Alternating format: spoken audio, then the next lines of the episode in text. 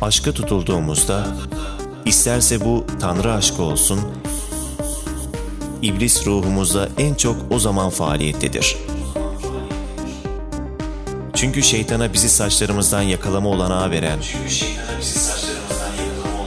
o müthiş zaaf anımızda insan aşkı tüm suçlarına rağmen bağışlamaya, kabahatlerini affetmeye, kusurlarını görmezlikten gelmeye hazırdır. İnsan